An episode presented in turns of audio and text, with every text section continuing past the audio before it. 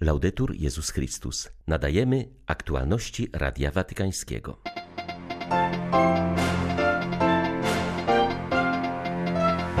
Wdzięczność osób starszych za otrzymane od Boga dary przywraca radość życia całej wspólnocie, powiedział papież podczas audiencji ogólnej.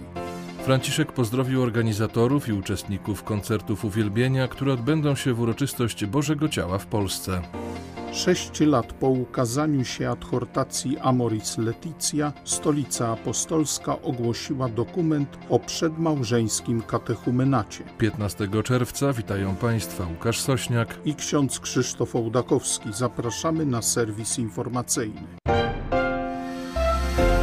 kolejnej katechezie środowej na temat starości Franciszek nawiązał do sceny uzdrowienia teściowej Szymona Piotra, opisanej w Ewangelii świętego Marka. Jezus, widząc starszą, chorą kobietę, ujął ją za rękę i uwolnił od gorączki. Ojciec Święty zwrócił uwagę, że choroba w starości jest często silnym ciosem, ponieważ wydaje się przyspieszać śmierć i odbiera nadzieję na przyszłość. Ewangeliczna scena pomaga jednak w jej odzyskaniu, ponieważ Jezus nie odwiedza chorej staruszki sam, ale w towarzystwie uczniów. Wspólnota chrześcijańska powinna troszczyć się o osoby w podeszłym wieku trzeba nawiedzać je wspólnie i często. Ojciec Święty zwrócił uwagę, że drugiej lekcji udziela nam sama starsza kobieta, która wstała z łóżka i zaczęła usługiwać zebranym. Także w zaawansowanym wieku można i trzeba służyć wspólnocie. Należy pielęgnować odpowiedzialność za innych oraz przezwyciężać pokusę stania na uboczu. Starsi, którzy zachowują zdolność uzdrawiania, pocieszania, wstawiania się za swoimi braćmi i siostrami, czy to uczniami, czy to setnikami, ludźmi niepokojonymi przez złe duchy, odrzuconymi są być może najwznioślejszym świadectwem czystości tej wdzięczności towarzyszącej wierze. Gdyby osoby starsze, zamiast być odrzucane i usuwane ze sceny wydarzeń znaczących dla życia wspólnoty, znalazły się w centrum zbiorowej uwagi, byłyby zachęcane do pełnienia cennej posługi wdzięczności wobec Boga, który nie zapomina o nikim. Wdzięczność osób starszych za dary otrzymane od Boga w ich życiu, jak uczy nas teściowa Piotra, przywraca wspólnocie radość życia razem i nadaje wierze uczniów zasadniczy rys jej przeznaczenia. Podczas audiencji ogólnej papież Franciszek przypomniał o jutrzejszej uroczystości Najświętszego Ciała i Krwi Chrystusa. W pozdrowieniach do pielgrzymów życzył, aby Eucharystia, która jest tajemnicą miłości, była dla wszystkich źródłem łaski i światła oświecającym drogi życia oraz udzielała wsparcia w trudnościach i umocnienia w codziennych cierpieniach. Zwracając się do Polaków, papież pozdrowił organizatorów i uczestników koncertów uwielbienia, które tego dnia odbywają się w wielu polskich miastach. Serdecznie pozdrawiam polskich pielgrzymów. Jutro obchodzimy uroczystość Najświętszego Ciała i Krwi Chrystusa. Ten dzień przypomina nam o realnej obecności Boga w Eucharystii pod postacią chleba i wina. Niech koncerty uwielbienia odbywające się w tym świątecznym dniu w waszym kraju rozbudzają wiarę we wszystkich, abyśmy przyjmując ciało i krew Chrystusa coraz głębiej doświadczali Jego miłości. Z serca Wam błogosławię. Pierwszy koncert uwielbienia w uroczystość Bożego Ciała zorganizowano w Rzeszowie. W tym roku odbędzie się już jego 20. edycja. Pomysłodawcą inicjatywy jest perkusista zespołu Skaldowie Jan Budziaszek. Jednego serca, jednego ducha to obecnie największe tego typu wydarzenie w Europie. W ostatnim koncercie przed pandemią wzięło udział rekordowe 50 tysięcy osób. W tym roku koncert poświęcony będzie modlitwie o pokój na Ukrainie, mówi Marcin Pospieszalski, każdego roku odpowiedzialny za kierownictwo muzycznej imprezy. W tym roku ten koncert koncert odbywa się w sytuacji szczególnej, w sytuacji pewnego też zagrożenia, trwającej tuż za granicą wojny, w sytuacji niepewności, kiedy żyjemy w niesamowitym lęku. Okazuje się, że taka rzecz jak koncert jednego serca, jednego ducha, na pewno dla wielu, w tym dla nas samych, będzie wielkim umocnieniem i radością. Takim momentem, w którym o tym lęku przynajmniej na chwilę zapomnimy. Będzie też wyznaniem tej wiary, że jest coś mocniejszego niż wszystkie nasze problemy. Wśród polskich i zagranicznych artystów na scenie pojawi się także kapela bandurzystek Zorianicia z ze Lwowa i ukraiński zespół Kana. Mam na imię Krystyna, jestem wokalistką ukraińskiego zespołu Kana. Od czterech miesięcy mieszkamy tutaj z rodziną, z dziećmi w Polsce. Uciekli z wojny. Mamy fajną okazję teraz zagrać na koncercie Jednego Serca, Jednego Ducha. Udało się nam zabrać ze sobą z Ukrainy pozostałych członków zespołu, którzy byli tam cały czas pod strzelami na tej wojnie i udało się ich tutaj przywieźć. Dla nas to jest bardzo wielka radość i w ogóle, że oni przeżyli że oni tutaj jest, to jest wielki cud dla nas. Ten moment, kiedy możemy wszyscy razem pomodlić się o pokój w Ukrainie, o taki moment przebaczenia naszym wrogom, przyjmowanie tej miłości, o jakiej daje Pan Bóg po prostu z krzyżu. Początek koncertu w czwartek, 16 czerwca o godzinie 19 w Parku Sybiraków w Rzeszowie. Dwa dni temu arcybiskup Światosław Szewczuk dziękował Ojcu Świętemu, że w dzień wschodniej pięćdziesiątnicy apelował do sumienia ludzi na całym świecie, aby nie przyzwyczajali się do wojny. Dodał, że to prowadzi do przemilczania zbrodni wojennych, a ostatecznie zabija. Dzisiaj również w pozdrowieniach do pielgrzymów Franciszek nawiązał do sytuacji na Ukrainie. Proszę, nie zapominajmy o udręczonym wojną narodzie ukraińskim. Nie przyzwyczajajmy się do życia tak, jak gdyby wojna była czymś odległym. Niech nasza pamięć, nasza bliskość, nasze modlitwy i nasza pomoc będą zawsze blisko tego ludu, który tak bardzo cierpi, który przeżywa prawdziwe męczeństwo.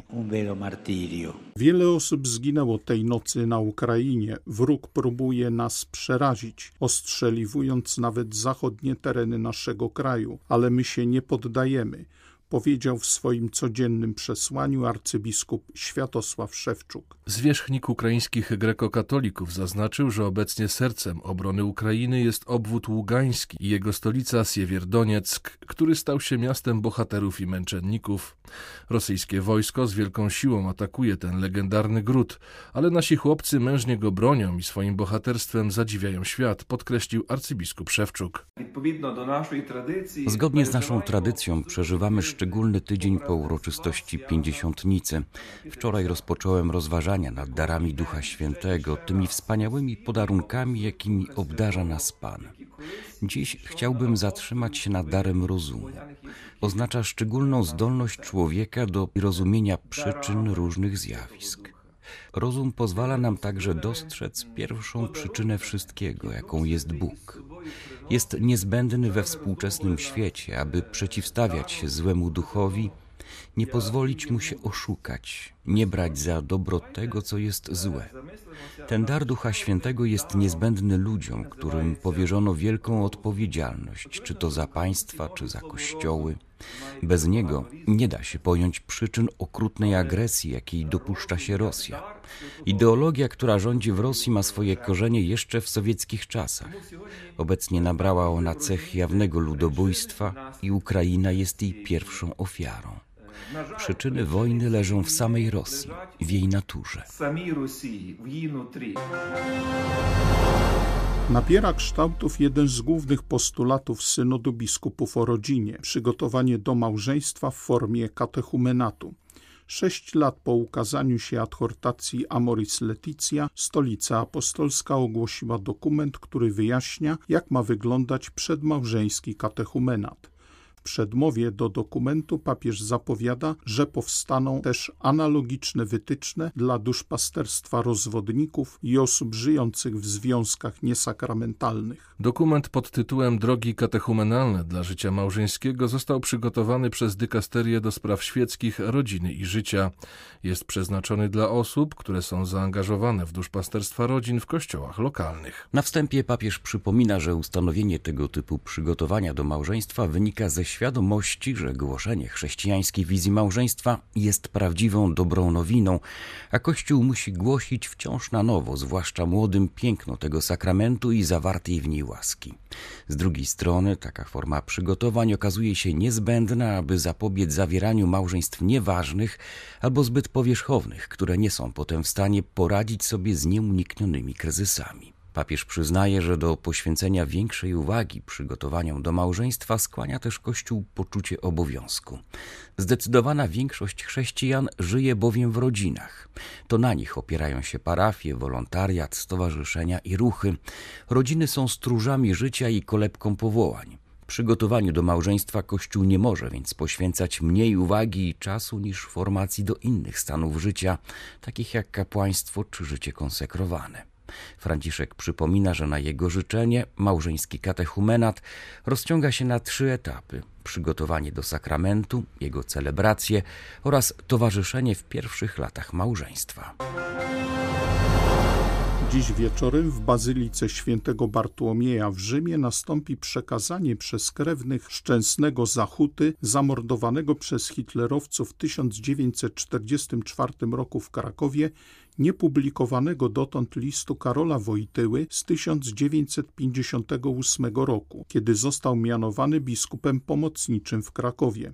Świątynia ta jest sanktuarium nowych męczenników. Jestem szczerze wzruszony listem matki i brata zmarłego Szczęsnego, mojego najbliższego przyjaciela w czasie tajnych studiów teologicznych. Pracowałem wtedy jako robotnik w Solwaju i często spotykałem się ze Szczęsnym, najczęściej w kościele i u świętej pamięci Jana Tyranowskiego, który był dla nas obu duchowym przewodnikiem. Tak napisał Karol Wojtyła w 1958 roku do rodziny Szczęsnego Zachuty, aresztowanego i rozstrzelanego przez gestapo w Krakowie podczas okupacji hitlerowskiej. List z autografem Jana Pawła II zostanie przekazany przez kuzynów Szczęsnego do Bazyliki Świętego Bartłomieja na Wyspie Tyberyjskiej i umieszczony na ołtarzu męczenników nazizmu. Uroczystości będzie przewodniczył arcybiskup Jan Romeo Pawłowski, sekretarz do spraw przedstawicielstw papieskich. Wezmą w niej udział członkowie rodziny Szczęsnego Zachuty oraz delegacja wspólnoty świętego Idziego z Polski. Święty Jan Paweł II ustanowił bazylikę na Wyspie Tyberyjskiej Sanktuarium Nowych Męczenników i powierzył ją wspólnocie świętego Idziego. Mieliśmy nadzieję, że II wojna światowa będzie przestrogą dla ludzkości, a przede wszystkim dla Europejczyków, którzy całkiem niedawno sami doświadczyli jej okrucieństwa.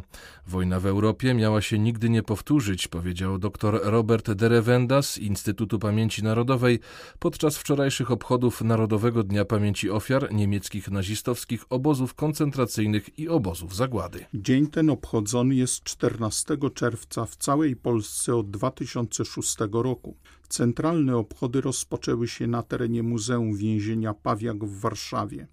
Po wspólnej modlitwie uczestnicy na stołecznym cmentarzu powązkowskim złożyli kwiaty pod pomnikiem mauzoleum ofiar obozów koncentracyjnych. Dzisiejsza sytuacja jest bardzo aktualna w kontekście przeżywanego Dnia Pamięci.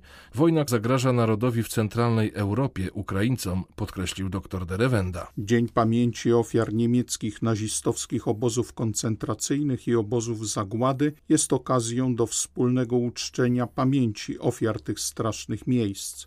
O znaczeniu tego dnia powiedział Radiu Watykańskiemu biskup Artur Miziński, sekretarz generalny Konferencji Episkopatu Polski. Był przeżywany jako przestroga i czas modlitwy w intencji tych, którzy zginęli. W czasie II wojny światowej zginęło około 6 milionów Polaków, w tym około 3 milionów narodowości żydowskiej i około 3 milionów katolików oraz wyznawców innych religii. Ten dzień dotyka wiele rodzin, które kogoś straciły w obozach. Co piąty ksiądz zginął podczas II wojny światowej, w tym wielu w obozach. Przykładem tego jest błogosławienie błogosławiony biskup Michał Kozal. Jego liturgiczne wspomnienie obchodzimy właśnie 14 czerwca. Pamiętamy o wszystkich ofiarach obozów. Ten dzień jest więc zarówno czasem modlitwy o pokój w Europie, jak i przestrogą. Były to aktualności Radia Watykańskiego. Laudetur Jezus Chrystus.